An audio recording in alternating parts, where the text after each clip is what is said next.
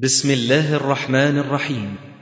تسجيلات السلف الصالح للصوتيات والمرئيات والبرمجيات.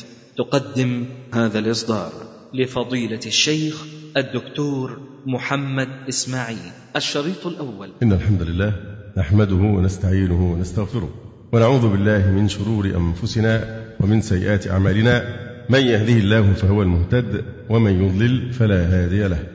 وأشهد أن لا إله إلا الله وحده لا شريك له وأشهد أن محمدا عبده ورسوله. اللهم صل على محمد وعلى آل محمد كما صليت على آل إبراهيم إنك حميد مجيد.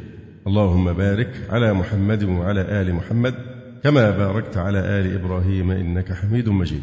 أما بعد فنشرع بإذن الله تعالى في تفسير السورة السادسة والخمسين من القرآن الكريم وهي سورة الواقعة. وسورة الواقعة مكية وآيتها ست وتسعون آية. يقول جلال المحلي مكية إلا أفى بهذا الحديث إلى آخر الآية وثلة من الأولين وإن كان عامة المفسرين يذكرون أنها كلها مكية. وسميت بالواقعة لأنها مملوءة بوقائع يوم القيامة التي هي الواقعة العظمى. لوقوعها في أشد الأحوال. فمن أسماء يوم القيامة الواقعة يقول تعالى فإذا نفخ في الصور نفخة واحدة وحملت الأرض والجبال فدكتا دكة واحدة فيومئذ وقعت الواقعة. إذا الواقعة من أسماء يوم القيامة كالطامة والصاخة والآزفة والقارعة. وروى ابن عباس رضي الله تعالى عنهما أن أبا بكر رضي الله عنه قال يا رسول الله قد شبت. فقال شيبتني هود والواقعة والمرسلات وعما يتساءلون وإذا الشمس كورت. وهذا رواه الترمذي وقال حديث حسن غريب. أعوذ بالله من الشيطان الرجيم. بسم الله الرحمن الرحيم. إذا وقعت الواقعة ليس لوقعتها كاذبة خافضة رافعة. قول تعالى إذا وقعت الواقعة. كما ذكرنا آنفا الواقعة علم بالغلبة على القيامة. غلب على يوم القيامة. إذا وقعت الواقعة يعني إذا نزلت وجاءت الواقعة أي قامت القيامة. فوصفت بأنها تقع لا محالة. ولذلك اسمها الواقعة. فهي تقع لا محالة. أو كأنها هي نفسها واقعة في نفسها. والواقعة هي السقطة القوية. وشاعت في وقوع الأمر العظيم وأحيانا تخص بالحرب. إذا وقعت الواقعة ليس لوقعتها كاذبة. ليس فعل ماض جامد ناقص. ليس لوقعتها واللام هنا للتوقيت. كاذبة. وكاذبة اسم ليس. ليس لوقعتها كاذبة.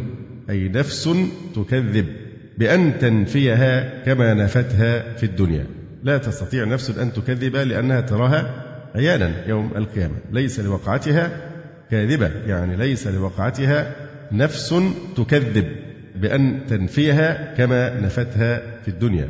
ولذلك هو هنا من دقة التفسير قال ليس لوقعتها كاذبة قال نفس تكذب.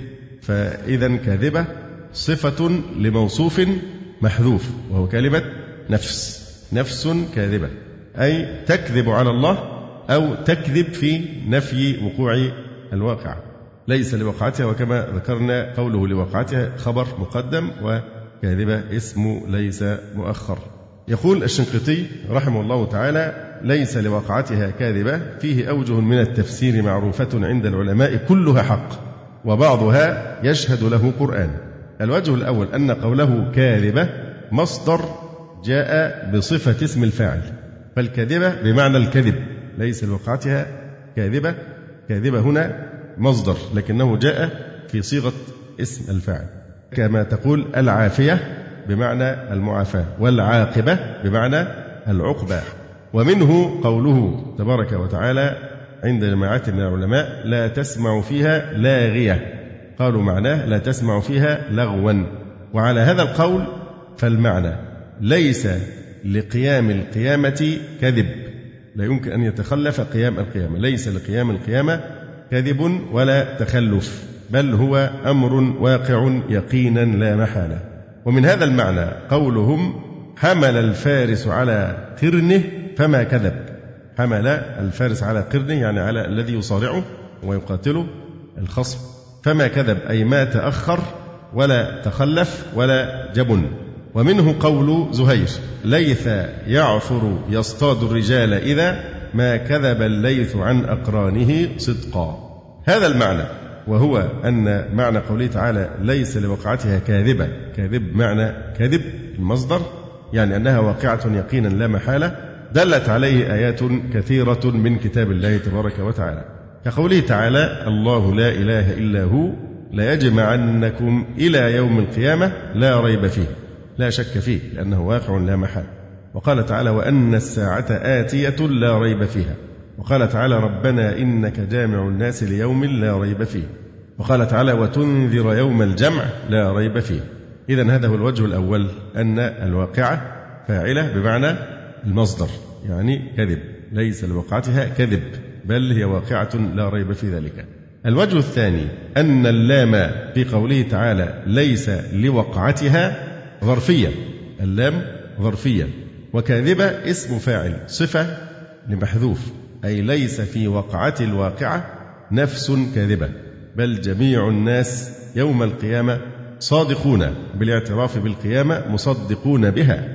ليس فيهم نفس كاذبة بإنكارها ولا مكذبة بها كما كانت تكذب في الدنيا.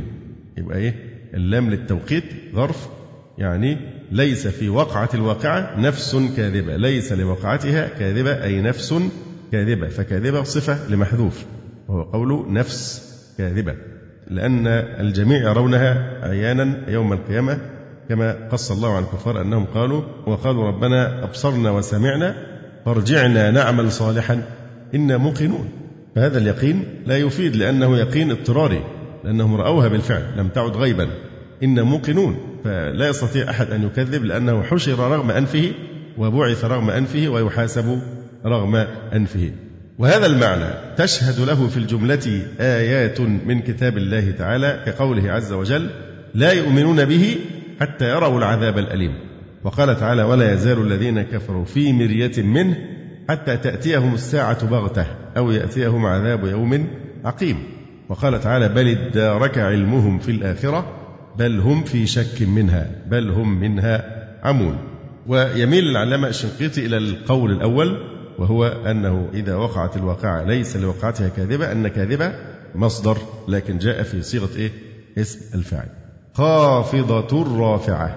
خافضة خبر مبتدأ محذوف. هي خافضة رافعة. ورافعة خبر ثان. خافضة رافعة. فإن من شأن الوقائع العظام أنها تخفض قوما وترفع آخرين. يقول الجلال المحلي أي هي مظهرة لخفض أقوام بدخولهم النار ولرفع آخرين بدخولهم الجنة.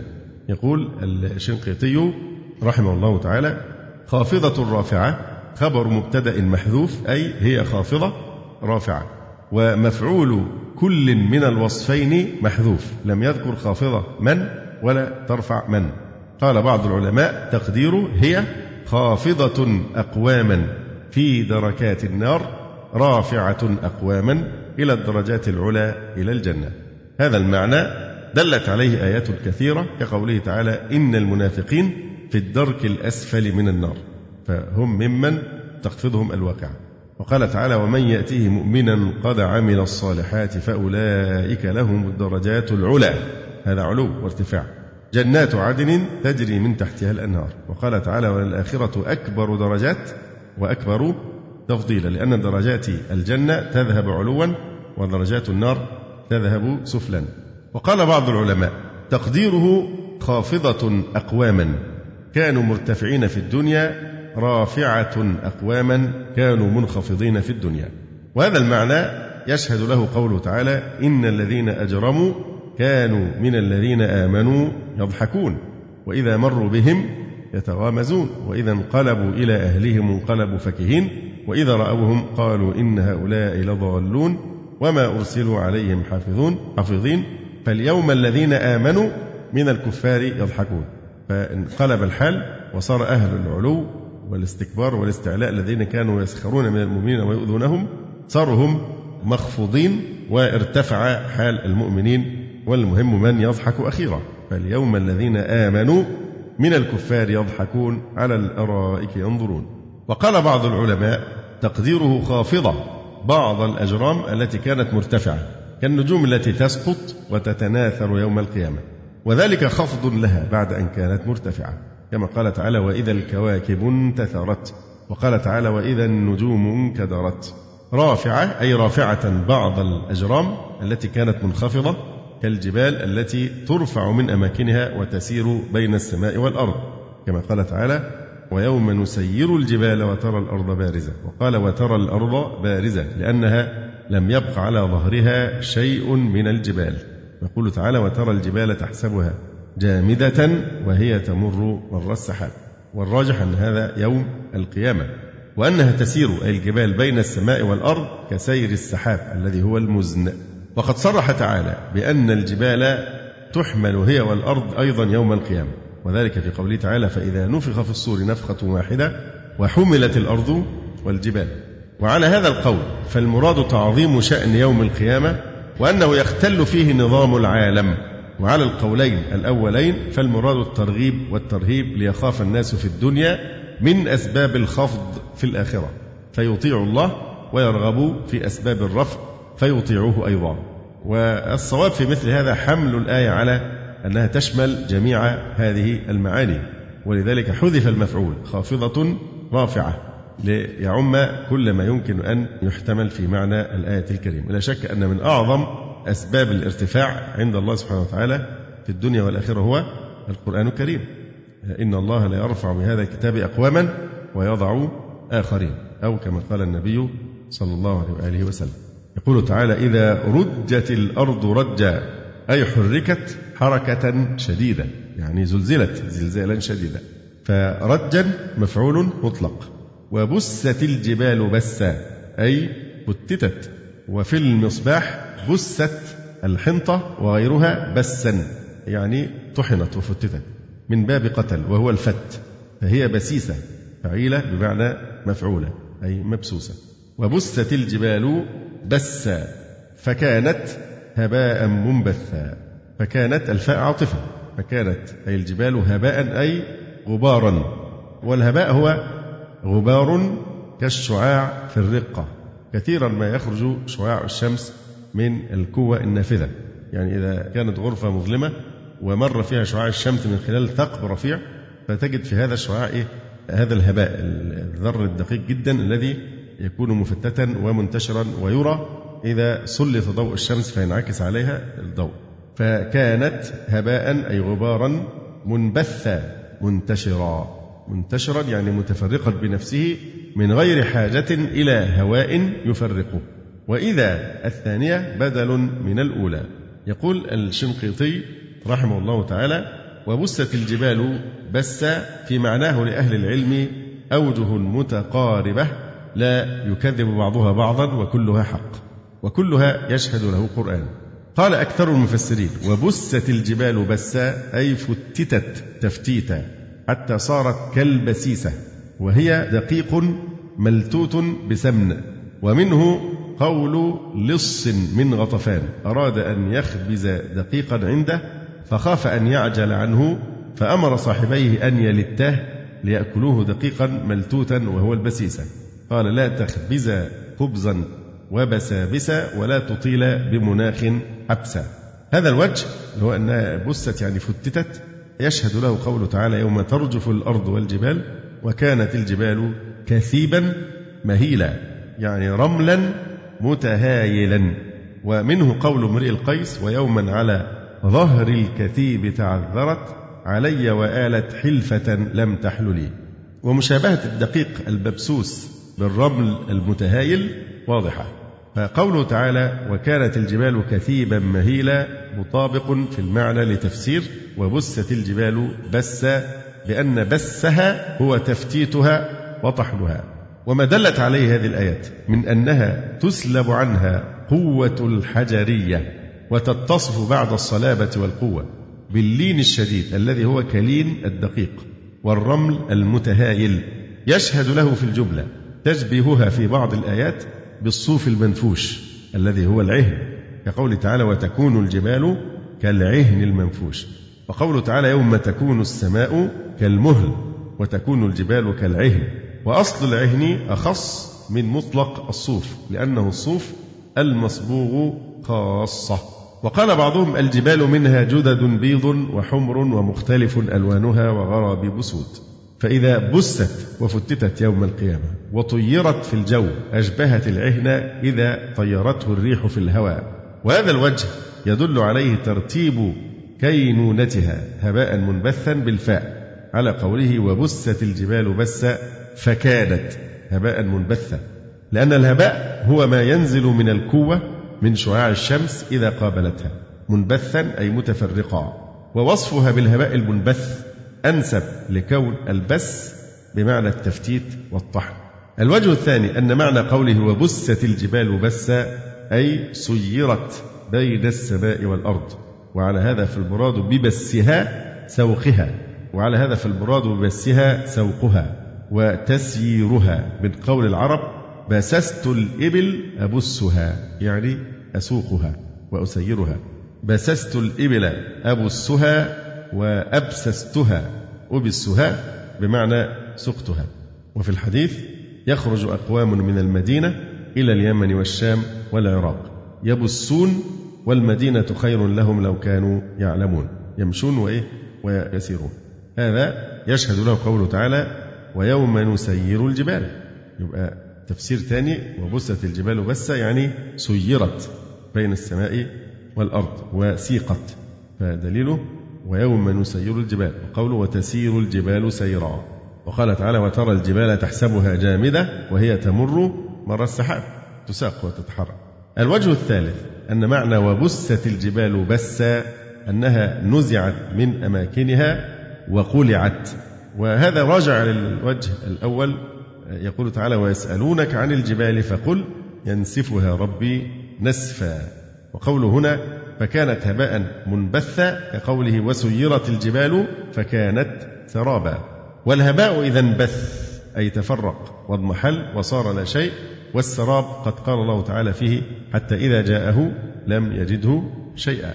إذا رجت الأرض رجا وبست الجبال بسا فكانت هباء منبثا. وكنتم أزواجا ثلاثة. وكنتم يعني في القيامة. أزواجا أصنافا ثلاثة. فأصحاب الميمنة. ما أصحاب الميمنة؟ وأصحاب المشأمة. ما أصحاب المشأمة؟ والسابقون السابقون أولئك المقربون. قوله تعالى فأصحاب الميمنة. ما نوع هذه الفاء؟ فأصحاب الميمنة. ما نوع الفاء؟ هي عاطفة؟ تفريعية لأنه ذكر الأمر بصفة مجملة وبدأ يفصل ويفرع ويذكر أقسام الناس يوم القيامة. وكنتم أزواجا ثلاثة فأصحاب الميمنة. فهنا الفاء عاطفة تفريعية للشروع في تفصيل وشرح أحوال الأزواج الثلاثة. فأصحاب الميمنة. آه، الميمنة آه، إما أنها مأخوذة من اليمن والبركة أو مأخوذة من تيمن العرب باليمين وتشاؤمهم بالشمال كما في السانح والبارح. آه، يقول فأصحاب الميمنة. طبعا أصحاب هنا مبتدأ. أين خبره؟ خبره جملة ما أصحاب الميمنة. فأصحاب الميمنة وهذه أصحاب مبتدأ. أما آه، الجملة إيه؟ ما أصحاب الميمنة لأن ما استفهامية في محل رفع مبتدأ ثاني. فما أصحاب الميمنة؟ فالجملة كلها خبر للمبتدأ الأول. خبر المبتدأ الأول. لأن ما مبتدأ وأصحاب الميمنة خبر ما. لكن الجملة كلها من مبتدأ وخبر هي خبر إيه؟ آه، فأصحاب الميمنة. يقول فأصحاب الميمنة وهم الذين يؤتون أي يعطون كتبهم بأيمانهم مبتدأ خبره ما أصحاب الميمنة. تعظيم لشأنهم بدخولهم الجنة. وأصحاب المشأمة طبعا المقصود من الاستفهام هنا التعظيم ما أصحاب الميمنة؟ هذا هو القسم الأول من الأزواج الثلاثة. فبدأ أولا بإيه؟ أصحاب الميمنة. ثم قال وأصحاب المشأمة أي الشمال بأن يؤتى كل منهم كتابه بشماله. أو المشأمة مقصود بها آه، المشائيم على أنفسهم إنهم أصحاب شؤم على أنفسهم وجلبوا الشؤم والشر لأنفسهم. ما أصحاب المشأمة؟ هنا استفهام أيضا لكن آه، المقصود بالاستفهام في قوله ما أصحاب الميمنة التعظيم والمقصود به هنا ما أصحاب المشأمة التحقير. يقول ما أصحاب المشأمة تحقير لشأنهم بدخول النار. والسابقون السابقون الواو عاطفة السابقون يعني إلى الخير وهم الأنبياء أو هم السابقون إلى الإيمان من كل أمة. فهذا مبتدأ. والسابقون السابقون أولئك المقربون. فكرر لفظ السابقين والسابقون السابقون تأكيد لتعظيم شأنهم. أما خبره فقوله تعالى أولئك المقربون وهي جملة أولئك مبتدأ والمقربون خبر لكن الجملة كلها خبر لكلمة الإيه؟ السابقون في جنات النعيم. يقول يقول في قوله تعالى وكنتم أزواجا ثلاثة أي صرتم صرتم أزواجا ثلاثة. والعرب تطلق كان بمعنى صار كان بمعنى صار. وهنا وكنتم يعني إيه؟ صرتم أزواجا ثلاثة. مثلا منه قوله تعالى ولا تقربا هذه الشجرة فتكونا من الظالمين أي فتصيرا من الظالمين.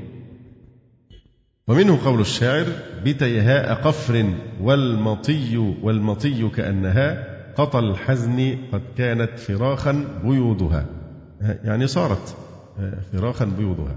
قوله أزواجا أي أصنافا ثلاثة. ثم بين هذه الأزواج الثلاثة بقوله فأصحاب الميمنة ما أصحاب الميمنة؟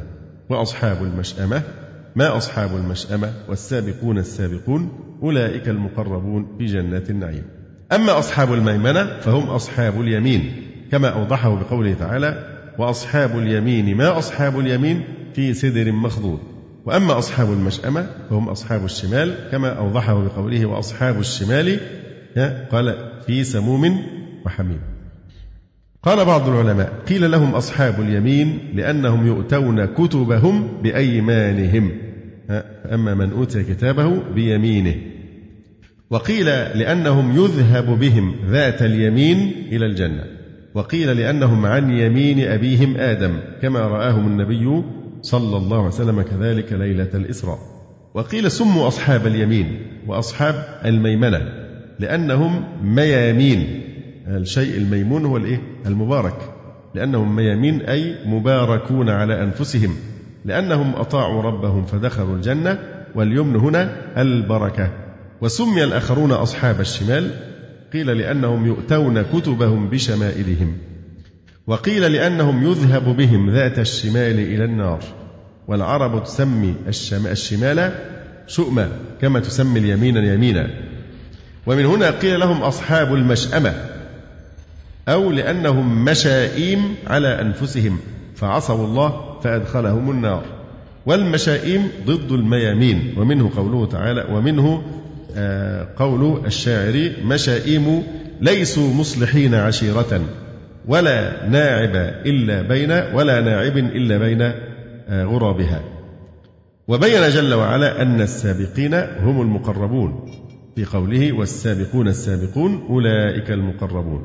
هذه الأزواج الثلاثة المذكورة هي وجزاؤها في أول هذه السورة الكريمة جاءت هي وجزاؤها أيضا في الآخرة. نفس الأصناف الثلاثة ذكرت في آخر آه، السورة في قوله تعالى فأما إن كان من المقربين وهم السابقون فروح وريحان وجنة نعيم.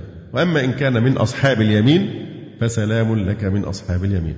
وأما إن كان من المكذبين الضالين فنزل من حميم وتصلية جحيم. والمكذبون هم أصحاب المشأمة وهم أصحاب الشمال.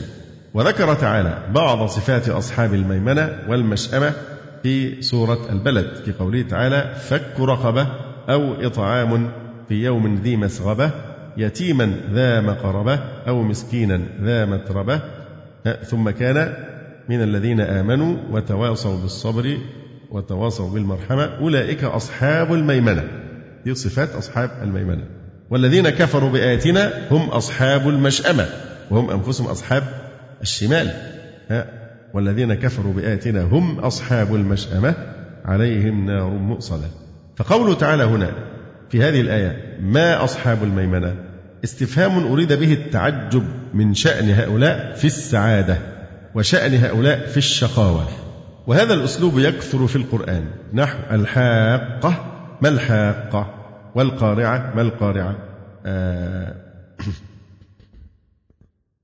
والأظهر في إعراب قوله تعالى والسابقون السابقون أنه مبتدأ وخبر. يبقى السابقون دي مبتدأ والسابقون اللي بعدها خبر. على عادة العرب في تكريرهم اللفظ وقصدهم الإخبار بالثاني عن الأول. يعنون أن اللفظ المخبر عنه هو المعروف خبره الذي لا يحتاج إلى تعريف. ومنه قول أبي النجم أنا أبو النجم وشعري شعري يعني الذي تعرفونه لأنه مشهور جدا. أنا أبو النجم وشعري شعري لله دري ما أجن صدري. فقوله وشعري شعري يعني شعري هو الذي بلغك خبره وانتهى إليك وصفه. فكذلك هنا آه، والسابقون السابقون بعضهم يقول تأكيد تكرار للتأكيد وبعضهم يقول إنها آه، جملة ومن المبتدأ والخبر لأن هذا أمر مشهور ومعروف جدا. وشعري شعري. فكرر اللفظ لكن يريد به الإخبار عن اللفظ الأول بأنه معروف ومشهور ولا يحتاج إلى تعريف.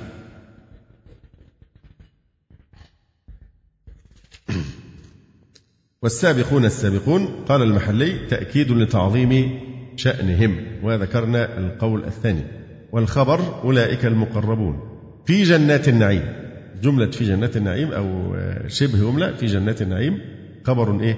ثان. أو هو حال من الضمير في قوله المقربون في جنات النعيم.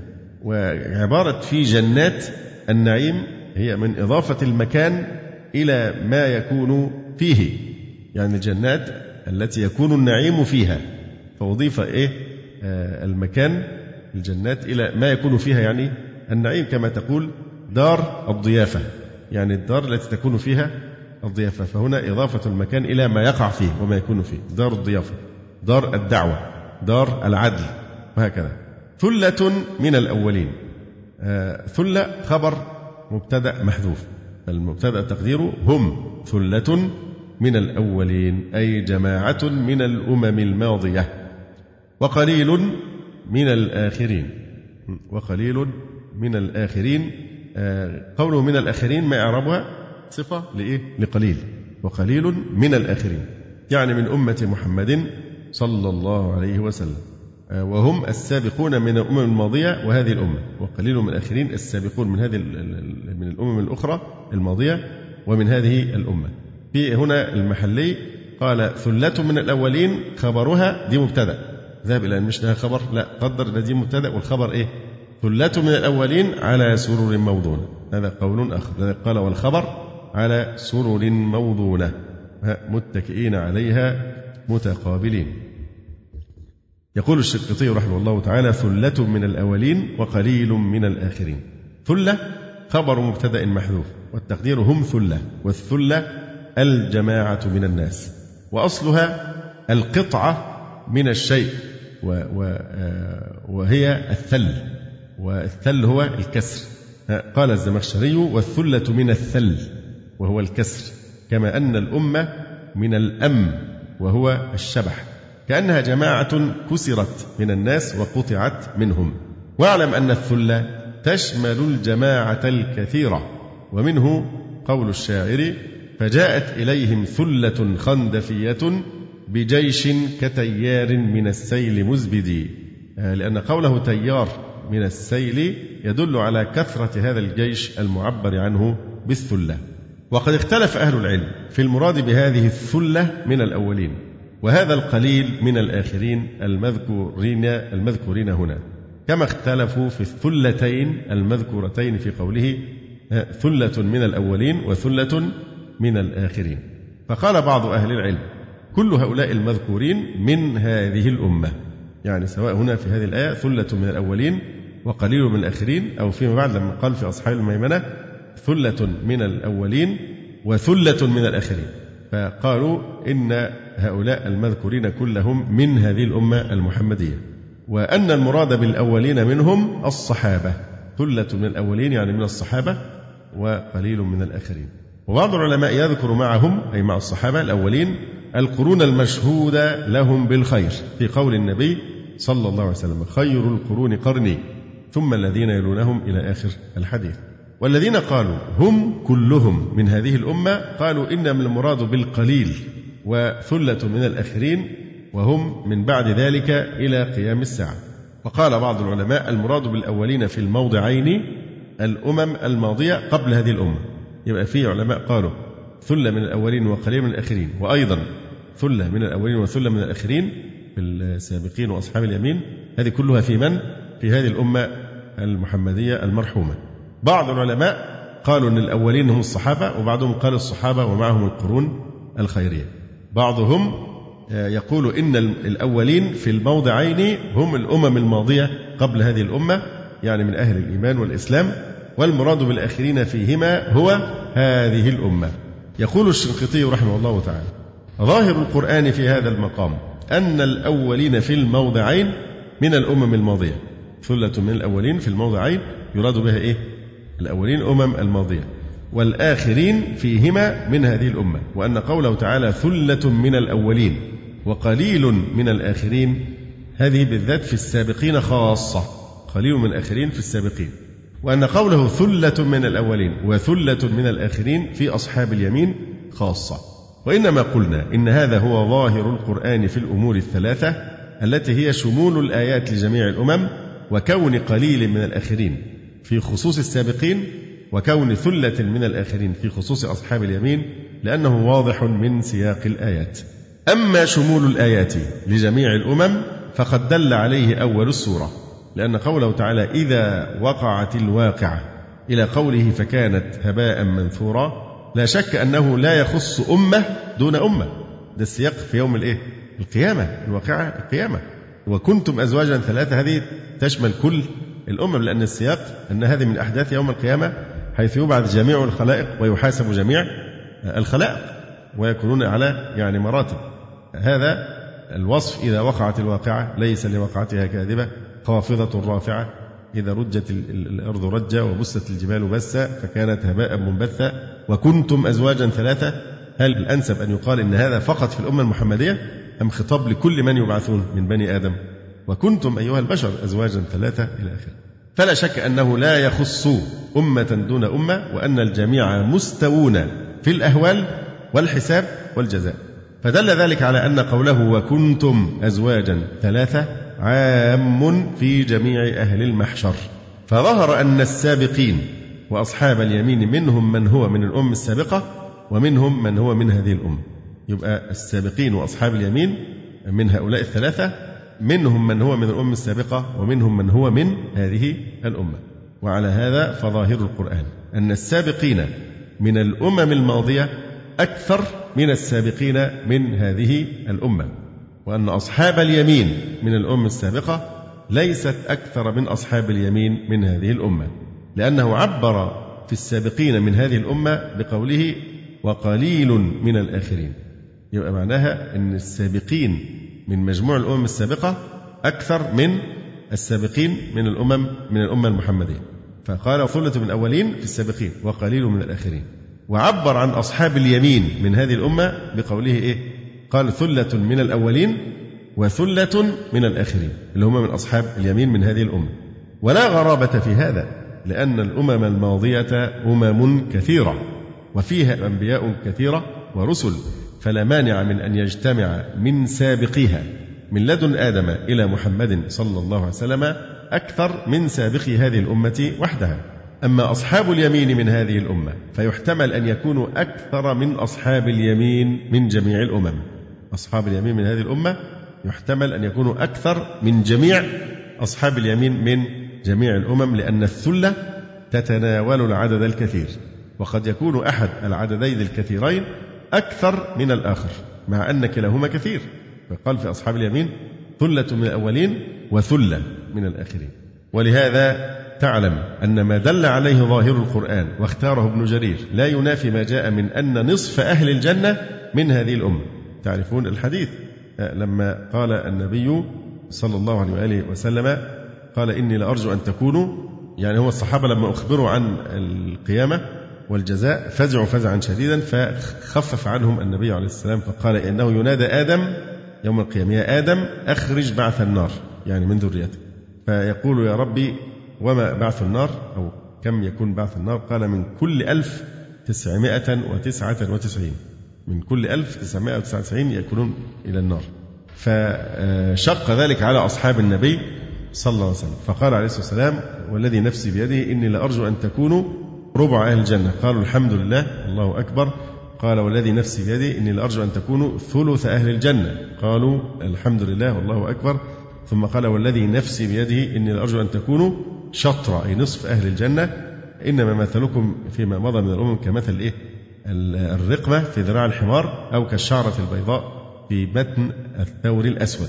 فإذا ما دل عليه ظاهر القرآن واختاره ابن جرير لا ينافي ما جاء من أن نصف أهل الجنة من هذه الأمة والذي يدل عليه هذا الحديث الذي ذكرناه فأما كون قوله وقليل من الآخرين دل ظاهر القرآن على أنه في خصوص السابقين فلأن الله تعالى قال والسابقون السابقون أولئك المقربون في جنات النعيم. ثم قال مخبرا عن السابقين المقربين ثلة من الأولين وقليل من الآخرين. وأما كون قوله هذا في السياق في حق من؟ السابقين.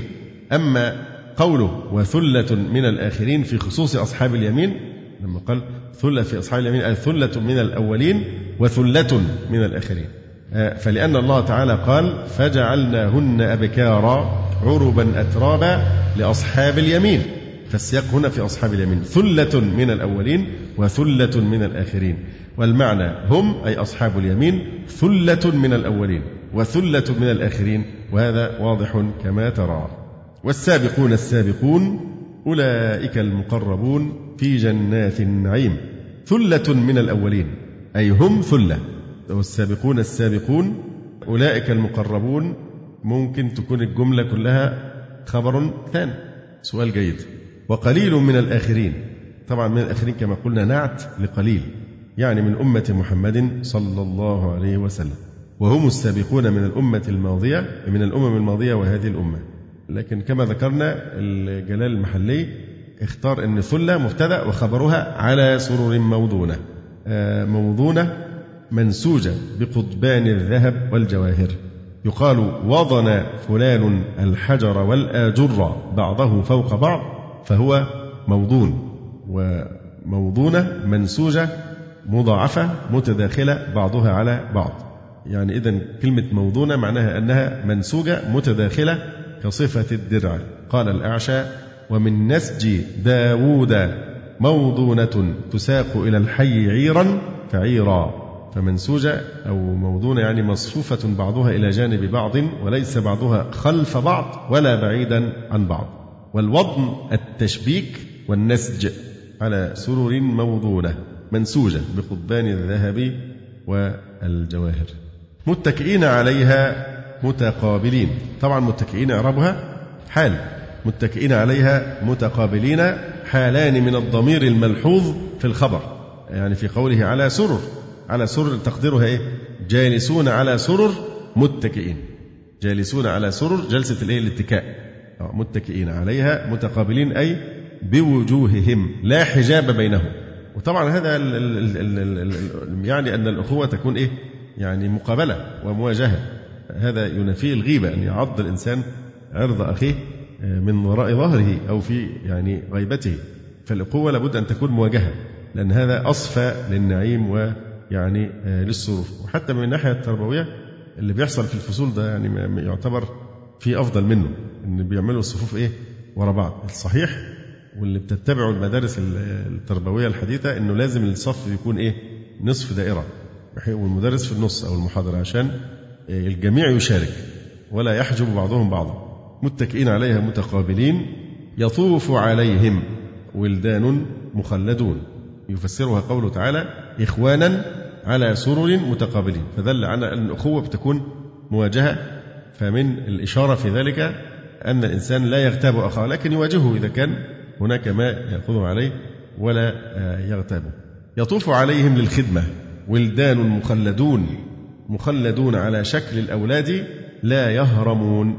فمخلدون يعني مبقون على سن واحدة لا يموتون. مبقون على سن واحدة يعني مرور الأوقات لا يزيدهم إيه؟ هرما أو كبرا أو لا ينتهي بهم الأمر إلى الموت. فولدان مخلدون باقون لا يموتون ولا يهرمون ولا يتغيرون. وإنما صفة الولدان صفة ثابتة لا تتبدل ولا تتغير. ولدان مخلدون بأكواب أقداح لا عرى لها وأباريق لها عرى وخراطيم وكأس وهو الإناء الذي يشرب به الخمر من معين أي خمر جارية من منبع لا ينقطع أبدا. لا يصدعون عنها ولا ينزفون. طبعا كي يصفها بوصف ينفي عنها آفات خمر الدنيا. لا يصدعون عنها ولا ينزفون. طبعا هنا فيها فن الإيجاز. لا يصدعون عنها ولا ينزفون فيها فن الإيجاز لأنه جمع في هاتين الكلمتين جميع عيوب الخمر في الدنيا. جميع عيوب الخمر موجودة في المنفي هنا عن خمر الآخرة. لا يصدعون عنها ولا ينزفون. آه، ولا ينزفون بفتح الزاي وكسرها. يعني ولا ينزفون وتقرأ ولا ينزفون.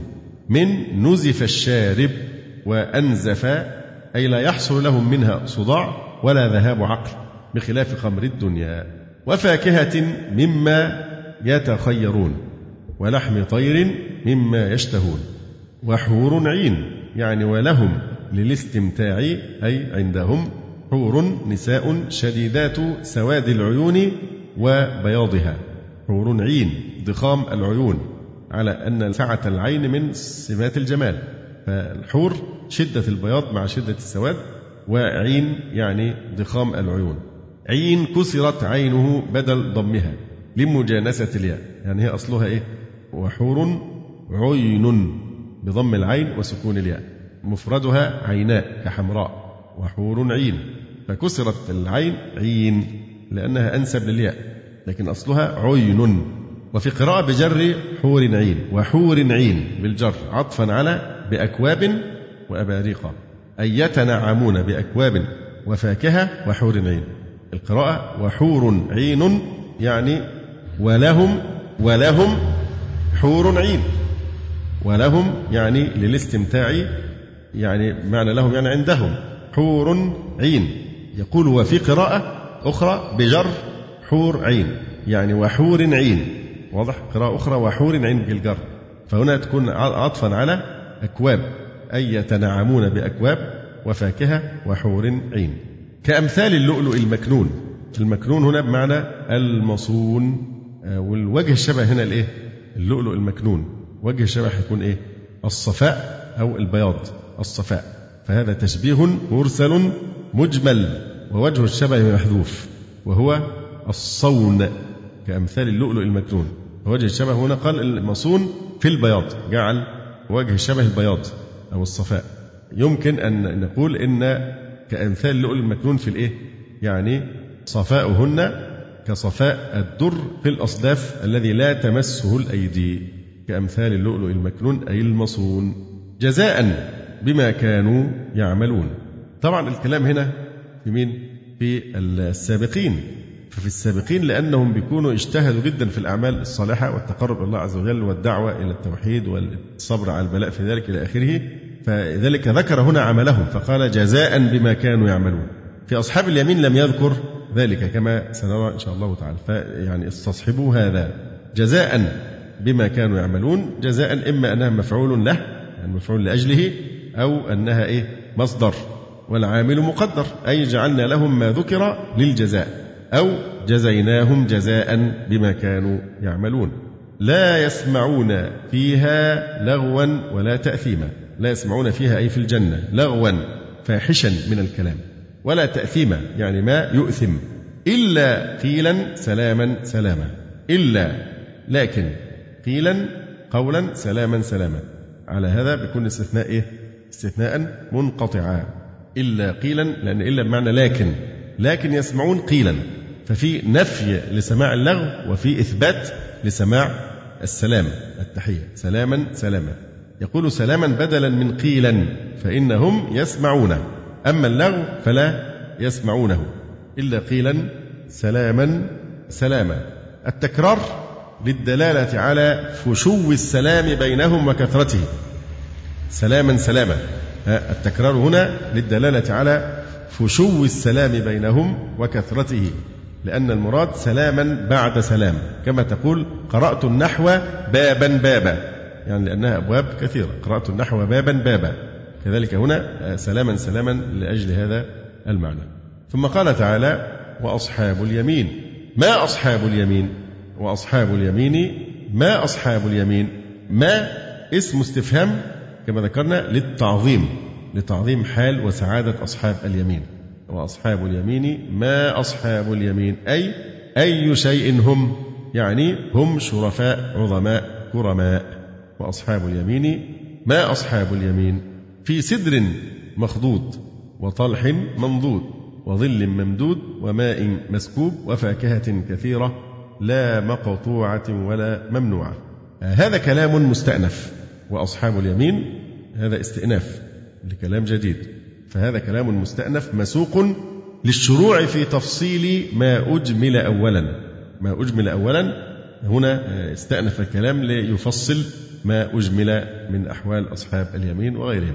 وأصحاب اليمين ما أصحاب اليمين؟ في سدر مخضود والسدر هو شجر النبق. مخضود يعني لا شوك فيه. قد خضب شوكه أي قطع. أو مخطوط لها تفسير آخر موقر بالثمار. موقر بالثمار يعني بدل الشوك ثمار.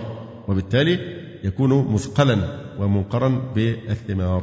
فأصل الخض الخض الخاء وضاد ودال. الخض عطف العود اللين. عود لين فتعطفه. فمنها هنا المخضوض الذي لا شوك فيه. لأن الغالب أن الرطب لين لا شوك فيه. وفي المختار قضض الشجر قطع شوكه. فهو خضيض ومخضوض.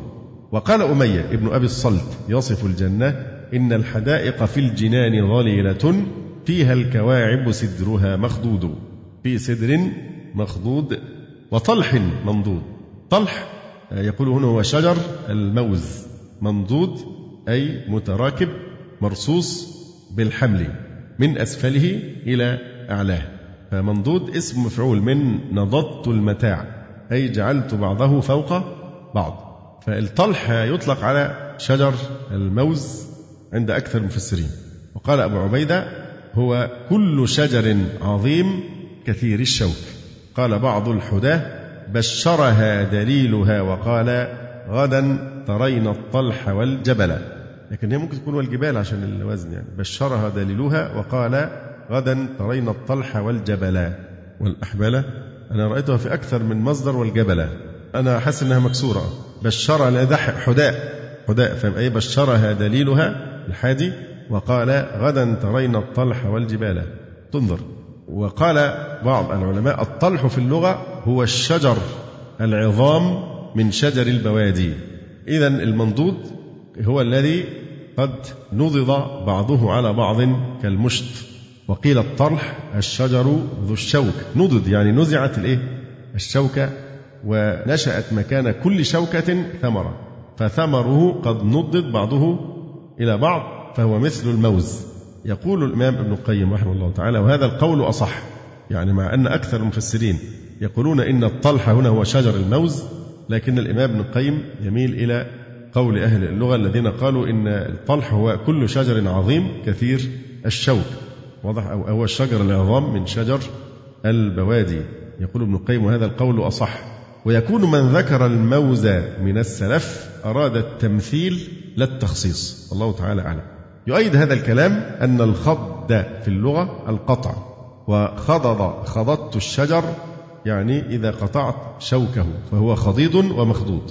والدليل الثاني الذي يؤيد هذا القول أن رجلا أعرابيا قال لرسول الله صلى الله عليه وسلم يا رسول الله أسمعك تذكر في الجنة شجرة لا أعلم شجرة أكثر شوكا منها. يعني الطلح. فقال رسول الله صلى الله عليه وسلم إن الله جعل مكان كل شوكة منها ثمرة مثل قصوة التيس الملبود يعني المكتنز اللحم فيها سبعون لونا الطعام لا يشبه لون آخر أو كما قال النبي صلى الله عليه وآله وسلم وطلح منضود أي متراكب مرصوص بالحمل من أسفله إلى أعلاه وظل ممدود ممدود يعني دائم. روى البخاري عن أنس بن مالك رضي الله عنه قال قال رسول الله صلى الله عليه وسلم في قوله تعالى وظل ممدود في الجنة شجرة يسير الراكب في ظلها مئة عام لا يقطعها. مئة عام لا يقطعها يعني من عظامها. وظل ممدود أي دائم. وماء مسكوب أي جار دائما. وفاكهة كثيرة لا مقطوعة ولا ممنوعة لا هنا للنفي. قولك مررت برجل لا طويل ولا قصير. فلذلك يلزم تكرارها. لا مقطوعة ولا ممنوعة لأنك تنفي الأمرين. لا هي مقطوعة ولا هي ممنوعة. فالمعنى أنها لا تنقطع عنهم متى أرادوها لكونها غير متناهية. والمقصود هنا بوصفها بهذه الصفة لا مقطوعة ولا ممنوعة توضيح مباينتها لفاكهة الدنيا لأن فاكهة الدنيا تنقطع أحيانا كفاكهة الصيف في الشتاء أو تمتنع أحيانا لعزتها نادرة أو لجدبها الجد. يقول المحلي لا مقطوعة في زمن أي ليست موسمية كثمر الدنيا توجد في فصل ولا توجد في غيره بل هي مثمرة دائمة ولا ممنوعة يعني بثمن وفرش مرفوعة. هنا هو فسر الفرش مرفوعة قال أي نساء. وفرش مرفوعة أي نساء. مرفوعات القدر على السرر.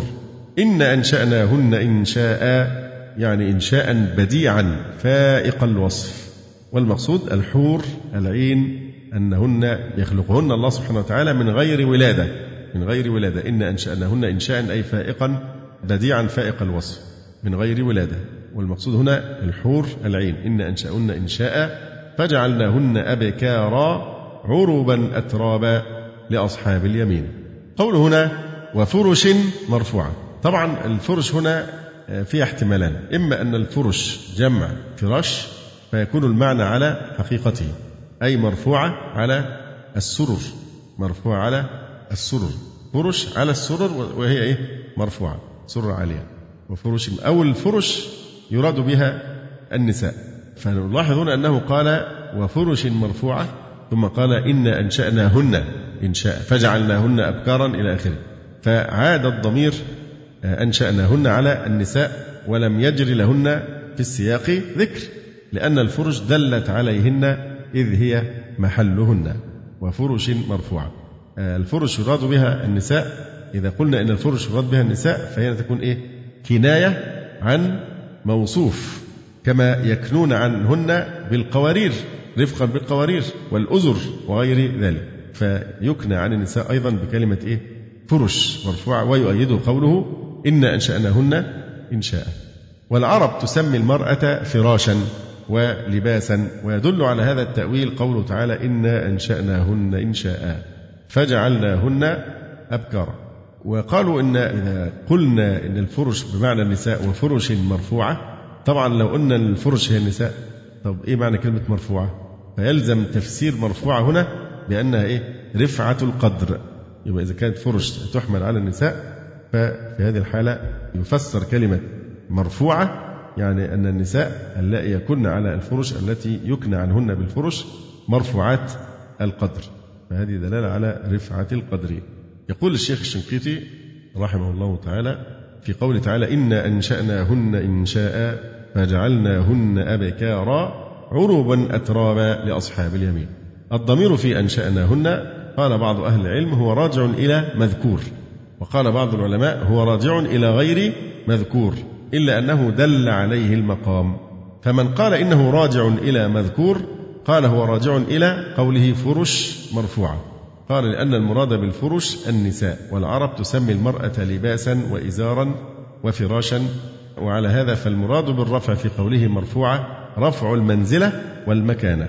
ومن قال إنه راجع إلى غير مذكور قال إنه راجع إلى نساء لم يذكرن ولكن ذكر الفرش دل عليهن لأنهن يتكئن عليها مع أزواجهن. طيب يبقى كده تكلمنا في معنى كلمة فرش مرفوعة. يبقى بقى الكلام من المراد بهؤلاء النسوة؟ هل هن الحور العين أم زوجات المؤمنين في الدنيا؟ قال بعض العلماء المراد بهن الحور العين. واستدل من قال ذلك بقوله تعالى إنا أنشأناهن إنشاء لأن الإنشاء هو الاختراع والابتداع. وقالت جماعة من أهل العلم إن المراد بهن بنات آدم اللاتي كن في الدنيا عجائز شمطا رمصا. وجاءت في ذلك آثار مرفوعة عن النبي صلى الله عليه وسلم. وعلى هذا القول فمعنى أنشأناهن إنشاء أي خلقناهن خلقا جديدا. نوضح هذا يعني أكثر. إن أنشأناهن إنشاء بديعا فائق الوصف. الجلال المحلي قال أي الحور العين. أنشأناهن أي الحور العين إنشاء من غير ولادة.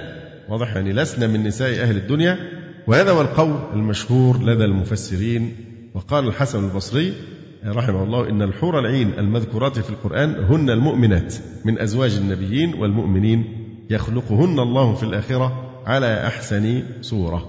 يؤيد القول بأنهن الحور العين قوله عز وجل في حق السابقين وحور عين كأمثال اللؤلؤ المكنون ده في حق من؟ السابقين فذكر الحور العين في وعدهم وجزائهم. فناسب أن يكن مثل نساء من قبلهن خلقن في الجنة. إذا كان في السابقين قال وحور عين كأمثال اللؤلؤ المكنون جزاء ما كانوا يعملون. ثم لما ذكر أصحاب اليمين فيناسب هنا أن يقال إن أنشأنهن إنشاء على أنهن النساء يعني الحور العين لأنه ذكر ذلك في حق السابقين. وقوله تعالى إنا أنشأناهن إنشاء ظاهر أنه إنشاء أول. يعني خلق جديد فيه ابتداع واختراع من جديد وليس إنشاء ثانيا لأنه حيث يريد الإنشاء الثاني قيده بذلك كما في قوله تعالى وأن عليه النشأة الأخرى وقال تعالى ولقد علمتم النشأة الأولى فإذا آه، إذا أريدت النشأة الأخرى فيقيدها بما يدل عليها. لكن عند الإطلاق يكون تنصرف لفظة الإنشاء إلى إحداث وابتداع وخلق جديد أول. كذلك مما يؤيد هذا القول الخطاب في قوله تعالى وكنتم أزواجا ثلاثة. آه، فهو للذكور والإناث. والنشأة الثانية عامة للنوعين. للنوعين. واضح؟ يعني أنشأنهن إنشاء يعني بما أن الخطاب من البداية موجه إلى الذكور والإناث فهو عام. فكذلك هنا النشأة الثانية تكون عامة للنوعين يعني النوعين من الإيه؟ من النساء سواء كان الحور العين أو زوجات المؤمنين في يعني الدنيا. وتعرفون الحديث الذي فيه أن النبي صلى الله عليه وسلم قال للمرأة العجوز إن الجنة لا تدخلها العجائز. فاغتمت ذلك غما شديدا فوضح لها أنه يعاد إيه خلقها من جديد في سن الشباب كما سيأتي في صفات هؤلاء. إن أنشأناهن إنشاء فجعلناهن أبكارا أي عذارا. كلما أتاهن أزواجهن وجدوهن أبكارا ولا وجع. فالبكر هي التي لم يفترعها الرجل فهي على خلقتها الأولى من حال الإنشاء. ومنه البكرة لأول النهار والباكورة لأول الفاكهة والبكر الفتى من الإبل. فجعلنهن أبكارا عربا أترابا. عربا جمع عروب وهي المتحببة إلى زوجها عشقا له. عربا أترابا. أترابا جمع ترب. أترابا يعني مستويات في السن. كلهن في سن واحدة مستويات في السن. فيقال في النساء أتراب وفي الرجال يقال أقران. والترب هو اللدة الذي ينشأ مع مثله في حال الصبا. ومأخوذ كلمة الترب من لعب الصبي بالتراب. عربا أترابا يعني هم كالصبيان الذين هم على سن واحدة. قال عمر بن أبي ربيعة أبرزوها. مثل المهات تهادى بين عشر كواعب أترابي. فالترب الموافق لك في السن أو يسمى اللدى. وطبعا قوله عربا أترابا كناية عن عودتهن أو نشأتهن في سن صغيرة. فهذا الحديث اللي هو فيه إن الجنة لا تدخلها العجائز يدل على مشاركتهن للحور العين في هذه الصفات ولا يدل على اختصاصهن بهذا الإنشاء. أو اختصاص حتى النساء بهذا الإنشاء لكنهن يشاركن الحور العين في هذا الإنشاء. فنلاحظ هنا في قول عربا أترابا أنه جمع عز وجل بين حسن صورتها حسن الشكل وحسن عشرتها. وهذا غاية ما يطلب في النساء وبه تكمل لذة الرجل بهن. عربا أترابا لأصحاب اليمين. صلة أنشأناهن يعني لأصحاب اليمين أو جعلناهن لأصحاب اليمين. ثلة من الأولين. يعني وأصحاب اليمين هم ثلة أي جماعة من الأولين وثلة من الآخرين. فالكثرة ظاهرة لوفرة أصحاب اليمين في أواخرهم دون السابقين. لأن هنا في السابقين قال ثلة من الأولين وقليل من الآخرين. في أصحاب اليمين قال ثلة من الأولين وثلة من الآخرين. فهذا يدل على وفرة أصحاب اليمين في الأواخر دون السابقين. يعني من هذه الأمة كما قال الشنقيطي رحمه الله تعالى. نعم على كلام الشنقيطي نعم. ذكرنا أن بعض العلماء ذهبوا إلى أنها في الأمم السابقة وبعضهم قال بالتفصيل الذي ذكره الشنقيطي أن الأولين يعني الأمم الماضية والآخرين هم أمة محمد صلى الله عليه وسلم. ثم قال تبارك وتعالى وأصحاب الشمال ما أصحاب الشمال؟ في سموم وحميم وظل من يحموم لا بارد ولا كريم. إنهم كانوا قبل ذلك مترفين وكانوا يصرون على الحنث العظيم. قوله تبارك وتعالى وأصحاب الشمال ما أصحاب الشمال؟ هذا كلام مستأنف مسوق للشروع في تفصيل ما أجمله من أحوالهم بعد أن فصل حال أصحاب اليمين. فاستأنف الكلام بأن يشرح أيضا حال أصحاب الشمال والعياذ بالله. وأصحاب الشمال ما أصحاب الشمال؟ في سموم وحميم سموم ريح حارة من النار تنفذ في المسام في سموم وحميم وهو الماء شديد الحرارة الذي انتهى غليه وظل من يحموم. اليحموم دخان شديد السواد. فاليحموم هو الدخان الأسود البهيم. هو يناسب سواد أهويتهم وعقائدهم وهيئات نفوسهم. وظل من يحموم لا بارد ولا كريم. طيب لا بارد ولا كريم. صفتان لماذا؟ لا بارد ولا كريم. الصفة الإيه هنا بقى؟ أي نعم صفتان للظل وليستا صفتين لإيه؟ لقوله من يحموم. لا الصفتان للظل. في سموم وحميم وظل من يحموم.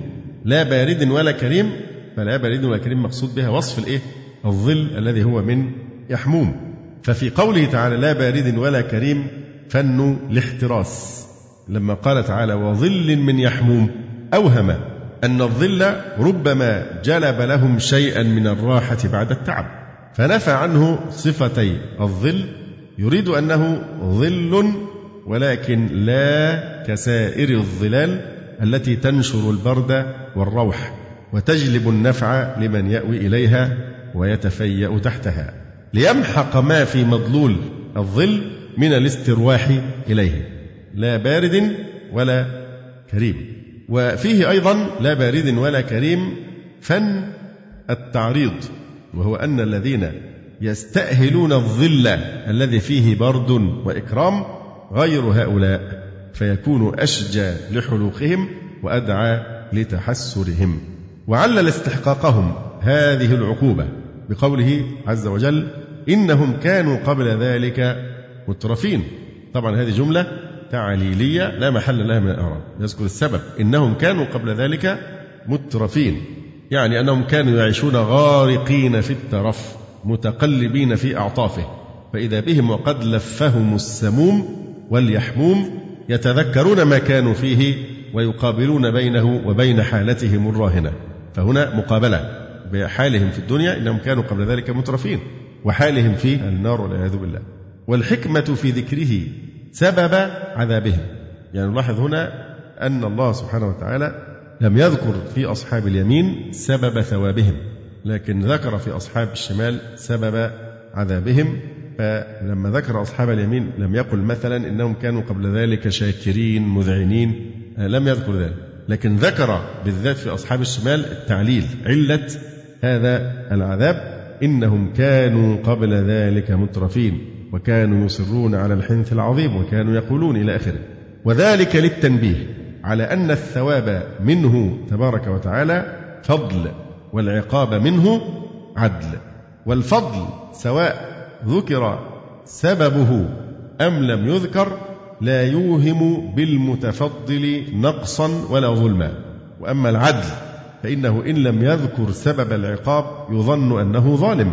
ويدل على ذلك أنه تعالى لم يقل في أصحاب اليمين جزاء بما كانوا يعملون. كما قال في السابقين. في السابقين قال جزاء بما كانوا يعملون. في أصحاب اليمين محض فضل من الله. فلم يذكر ما ذكره في السابقين جزاء بما كانوا يعملون. لأن أصحاب اليمين نجوا بالفضل العظيم لا بالعمل. بخلاف من كثرت حسناته فإنه يحسن إطلاق الجزاء بحقه.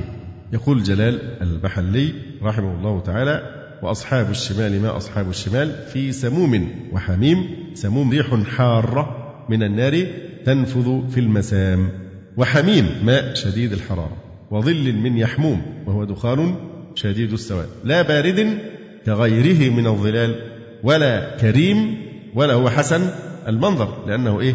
أسود بهيم إنهم كانوا قبل ذلك في الدنيا مترفين منعمين لا يتعبون في الطاعة. كانوا مترفين. وكانوا يصرون على الحنث العظيم. وتعرفون الحديث. يؤتى بأنعم أهل الدنيا من أهل النار يوم القيامة. ويغمس في النار غمسة ثم يخرج فيقال له يا ابن آدم هل رأيت خيرا قط؟ هل رأيت نعيما قط؟ فيقول لا والله يا رب ما رأيت نعيما قط ولا مر به خير قط. ويغمس المؤمن من أهل الجنة. ممن كان يعني من الأبأس يعني أهل الدنيا من أهل الجنة فيغمز في الجنة غمسة تنسيه كل ما لقاه في الدنيا. وهذا مقتضى العدل ورحمة الله سبحانه وتعالى. أن أناس يخرجون من الدنيا قد حرموا من متاعها ونعيمها وربما قهروا وظلموا وكذا. فمن الأدلة العقلية على البعث والنشور أن هذا ينافي الحكمة أن يخرجوا من الدنيا بدون أن يحاسبوا أن يقتص لهم ممن ظلمهم وهم بشر متساوون مع سائر البشر. فحرموا لسبب أو لآخر من هذا النعيم. فيعوضون في الآخرة مع الفارق. وكانوا يصرون على الحنث العظيم. دي بقى ذكر حيثيات الحكم عليهم بهذا العذاب. أول حاجة أنهم إيه؟ كانوا قبل ذلك مترفين في الدنيا. إنهم كانوا قبل ذلك مترفين. وكانوا يصرون على الحنث العظيم. الحنث الذنب العظيم أي الشرك بالله تبارك وتعالى. طبعا الحنث كلمة الحنث يعبر بها عن إيه؟ نعم. هي أساسا يعبر بها عن البلوغ. وطبعا بيستعمل في عدم البر بالقسم كما سيأتي إن شاء الله. فقوله تعالى وكانوا يصرون على الحنث العظيم. فالحنث أصلا لفظة الحنث هي فسرت هنا بالذنب لكنها يعبر بها عن البلوغ. يقال لم يبلغوا الحنث. وإنما قيل ذلك لأن الإنسان عند بلوغه يؤاخذ بالحنث. تكتب عليه الإيه؟ السيئات. قبل البلوغ لا تكتب عليه السيئات. تكتب له الحسنات. لكن الفارق إيه؟ إنه بعد البلوغ بيبدأ يسجل عليه أعمال السيئات فيؤاخذ بالحنث أي الذنب. ويقال تحنث فلان يعني جانب الحنث تعبد وبعد عن المعاصي والسيئات. تحنث. وفي الحديث حديث عائشة في البخاري في كتاب بدء الوحي وكان صلى الله عليه وسلم يتحنث بغار حراء. يتحنث يعني يتعبد. لمجانبة الإثم. فتفعل في هذه كلها للسلب.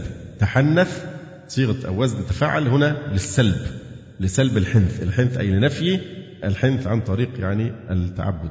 فقول هنا وكانوا يصرون على الحنث العظيم ففسر الجلال المحلي الحنث بأنها الذنب العظيم أي الشرك بالله تبارك وتعالى. لكن فسره السبكي بالقسم على إنكار البعث. وهذا تفسير جميل في الحقيقة وكانوا يصرون على الحنث العظيم. الحنث هنا على أن المراد بالحنث يعني القسم على إنكار البعث. المشار إليه بقوله تعالى وأقسموا بالله جهد أيمانهم لا يبعث الله من يموت. قال الشهاب وهو تفسير حسن لأن الحنث وإن فسر بالذنب مطلقا أو فسر بالذنب العظيم فالمعروف استعماله في عدم البر بالقسم. ولذا تأثره أتبعه بما كانوا يعتقدونه من إنكار البعث بقوله وكانوا يقولون أئذا متنا وكنا ترابا وعظاما أئنا لمبعوثون أو آباؤنا الأولون؟ فالسياق يدل على أن الحنث مقصود به القسم الذي أقسموه في قوله تعالى وأقسموا بالله جهد أيمانهم لا يبعث الله من يموت. فهم كانوا يصرون على الحنث العظيم يعني هذا المشار إليه بدليل باقي الآيات. نتحراها حاضر إن شاء الله أنا استغربتها طبعا أن السبكي لا يعرف له تفسير. فيمكن كان تكلم في موضع من المواضع. خلاص جزاك الله خير. هو الشيخ أحمد بيقول إن السبك هنا ربما مصحفة عن الإيه؟ الشعبي لأنه رآه منسوبا إلى الشعبي. وده أنسب يعني والله أعلم. وكانوا يصرون على الحنث العظيم أي الذنب العظيم أي الشرك بالله تبارك وتعالى. وكانوا يقولون أإذا متنا وكنا ترابا وعظاما أئنا لمبعوثون؟ أو آباؤنا الأولون أئنا لمبعوثون أو آباؤنا الأولون يعني أئنا وآباءنا الأولون يعني لمبعوثون أئنا لمبعوثون يعني وآباؤنا الأولون في الهمزتين في الموضعين اللي هي أئنا في الموضعين اللي هو الجاي أيضا التحقيق وتسهيل الثانية وإدخال ألف بينهما على الوجهين وتركه هذا إشارة إلى القراءات أو آباؤنا الأولون بفتح الواو للعطف والهمزة للاستفهام وهو في ذلك وفيما قبله للاستبعاد استبعاد البعث والنشور. وفي قراءة بسكون الواو عطفا أو آباؤنا الأولون. والمعطوف عليه محل إن واسمها. العلامة الشنقيطي رحمه الله تعالى له هنا تنبيه مهم جدا بعدما ذكر القراءات في قوله تبارك وتعالى أإذا متنا وكنا ترابا وعظاما أئنا لمبعوثون؟ أجمع عامة القراء على ثبات همزة الاستفهام في قوله أإذا متنا وأثبتها أيضا عامة السبعة غير نافع والكسائي في قوله أئنا. لكن في التنبيه اللي بيذكره هنا بيقول هذه هي القراءات الصحيحة في مثل أئذا وأئنا ونحو ذلك في القرآن. ثم يقول اعلم وفقني الله وإياك أن ما جرى في الأقطار الإفريقية من إبدال الأخيرة من هذه الهمزة المذكورة وأمثالها في القرآن هاء خالصة أهن هذا من أشنع المنكر وأعظم الباطل وهو انتهاك لحرمة القرآن العظيم وتعد لحدود الله ولا يعذر فيه إلا الجاهل الذي لا يدري الذي يظن أن القراءة بالهاء الخالصة صحيحة. وإنما قلنا هذا لأن إبدال الهمزة فيما ذكر هاء خالصة لم يروه أحد عن رسول الله صلى الله عليه وسلم ولم ينزل عليه به جبريل البتة ولم يروى عن صحابي ولم يقرأ به أحد من القراء. ولا يجوز بحال من الأحوال. فالتجرؤ على الله بزيادة حرف في كتابه وهو هذه الهاء التي لم ينزل بها الملك من السماء البتة هو كما ترى.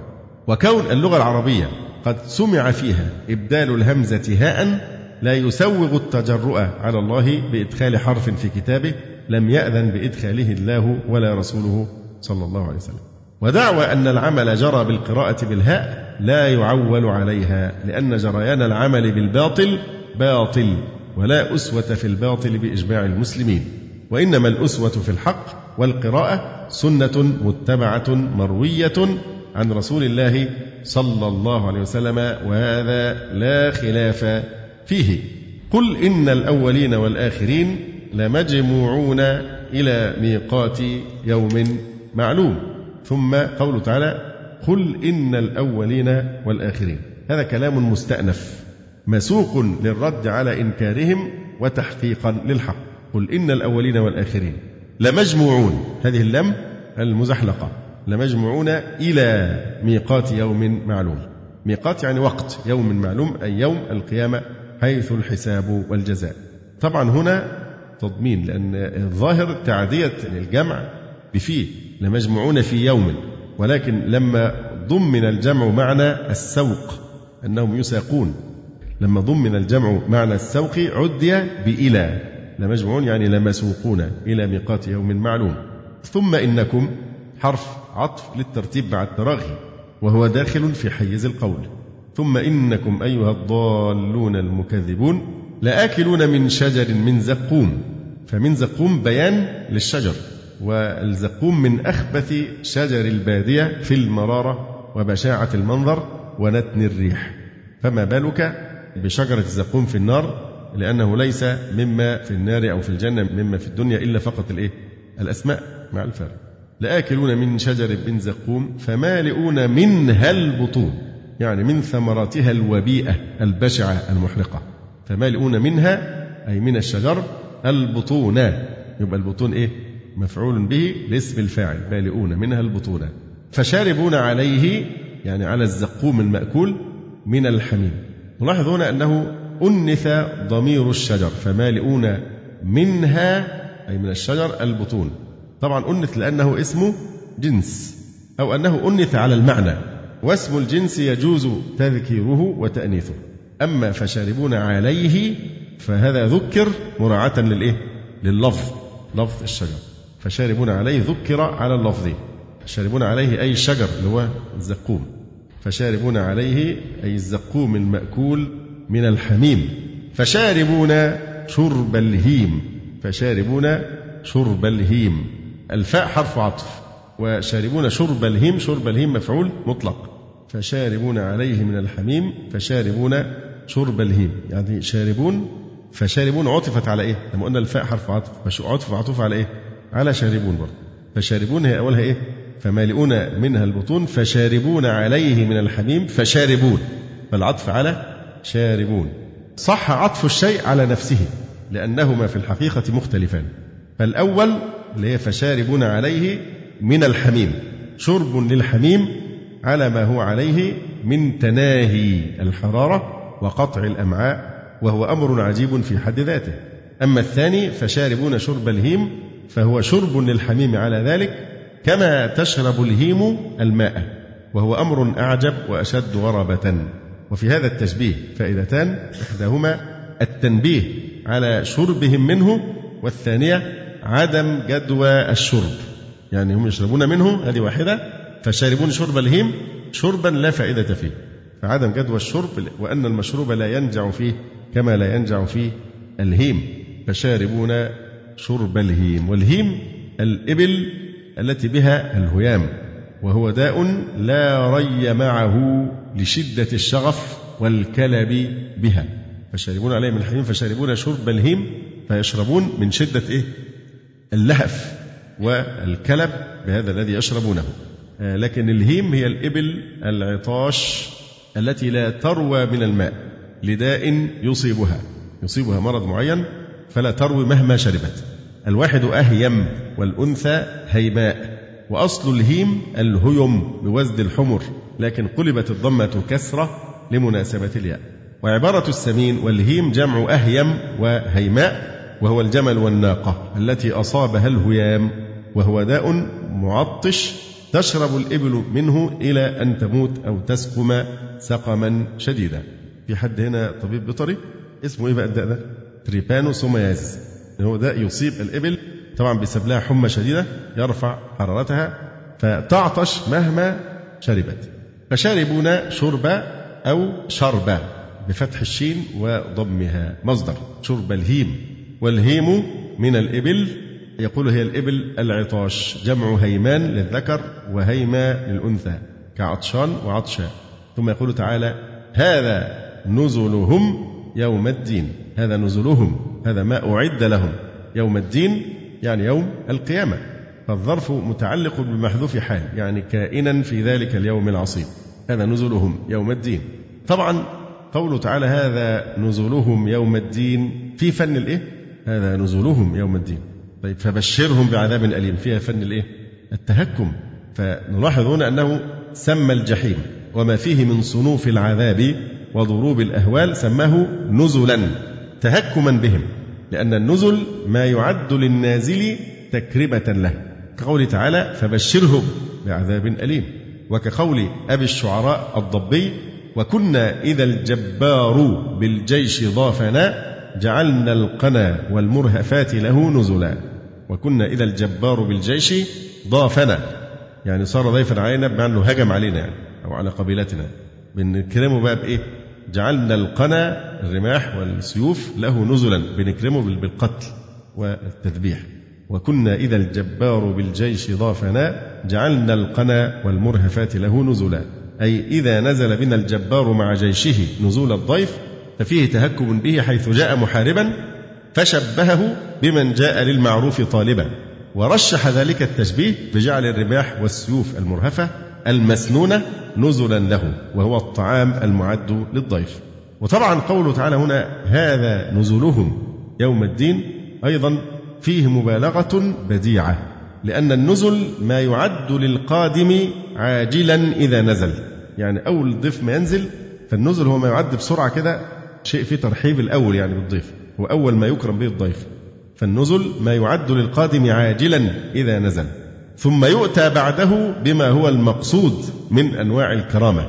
فلما جعل هذا العذاب مع أنه أمر مهول كالنزل دل على أن بعده ما لا يطيق البيان شرحه.